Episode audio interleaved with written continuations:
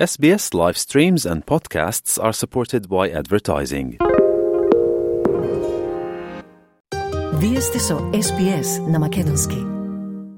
Министрите за надворешни работи на Бугарија и на Македонија Николај Милков и Бујар Османи вчера во Софија заедно го посетија повредениот македонски државјанин Христијан Пендиков, секретар на бугарскиот културен клуб Цар Борис III во Охрид, кој во четвртокот беше физички нападнат.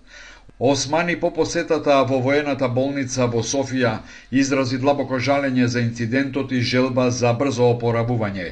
Тој изрази уверување дека многу скоро случајот ќе биде расчистен. Но Османи нагласи дека провокации нема да бидат дозволени ни во Македонија од страна на бугарски државјани кои насред Скопје провоцираат и ги навредуваат македонските граѓани.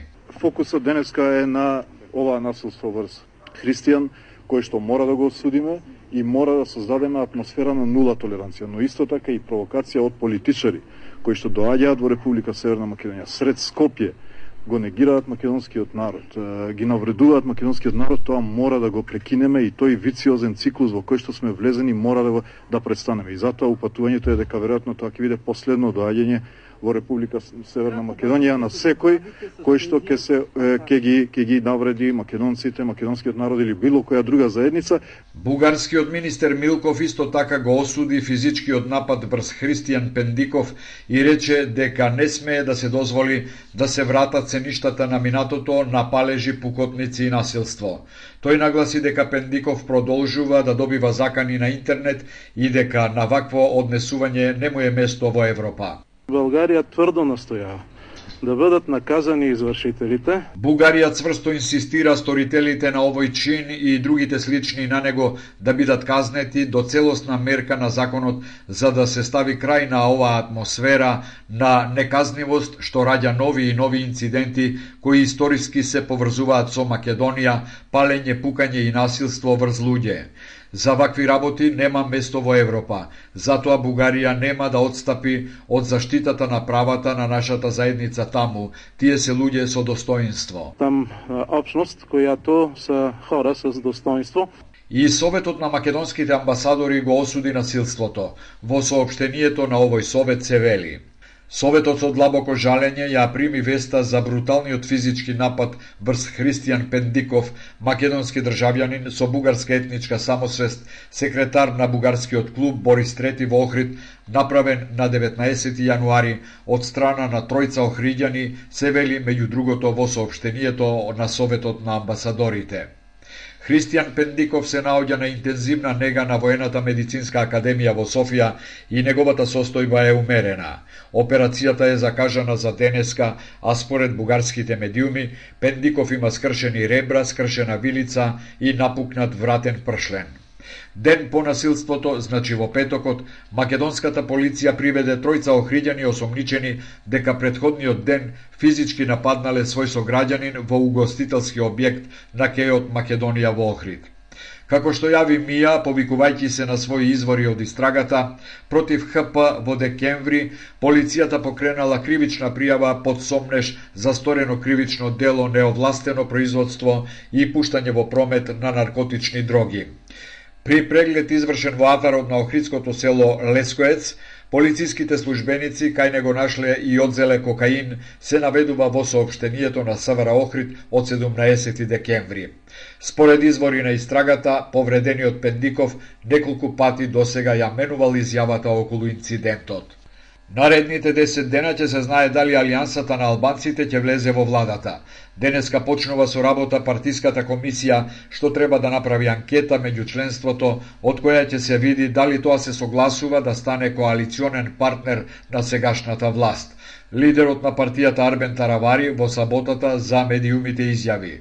Ќе формираме една комисија, три или пет члена, која што ќе има задача да организира внатрепартиски референдум значи во сите ограноци и да седне и да преговара за понатаму дека можеме да разговараме за ресори за директорски места. Ако не, тогаш овде ја затвораме оваа приказна и продолжуваме како опозиција. Ако се постигне партиска согласност, ќе бидат подготвени и условите што ќе му ги сервира таравари на премиерот Ковачевски, кој пак во петокот најави дека парламентарното мнозинство ќе расте.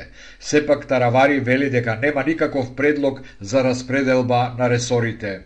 Нема предлог, значи тоа се спекулации. Вие знаете и уште пред три месеци ни викавте предлог, министри, имиња на министри, нема врска. Медиумите пак нагаѓаат дека условот на Алијансата на албанците ќе биде барем три министерски, неколку заменички, но и директорски места, а дали и како ќе бидат распределени многу ќе зависи од ставот на алтернативата на Африм Гаши, која не е најсреќена со ова решение и со евентуалниот влез на Алијансата во владата, коментирајќи дека цената за тоа ќе треба да ја платат ДУИ и СДСМ и дека незините министерски места не ги дава. ВМРО ДПМН е пак и вчера на пресконференција излезе со забелешка дека ова е обид Ковачевски вештачки да обстане на власт и дека тој владее со притисоци и уцени.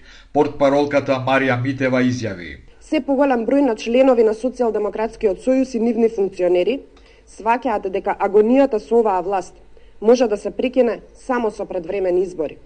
Тие гледаат дека Социјалдемократскиот сојуз се претвори во владин приврзок – на секој ден власт со Ковачевски е лошо и за самата СДС и за Македонија. Никој повеќе не се плаши на закани и притисоци од оваа власт. Нивниот политички крај се ближи, а одговорноста потоа ќе дојде.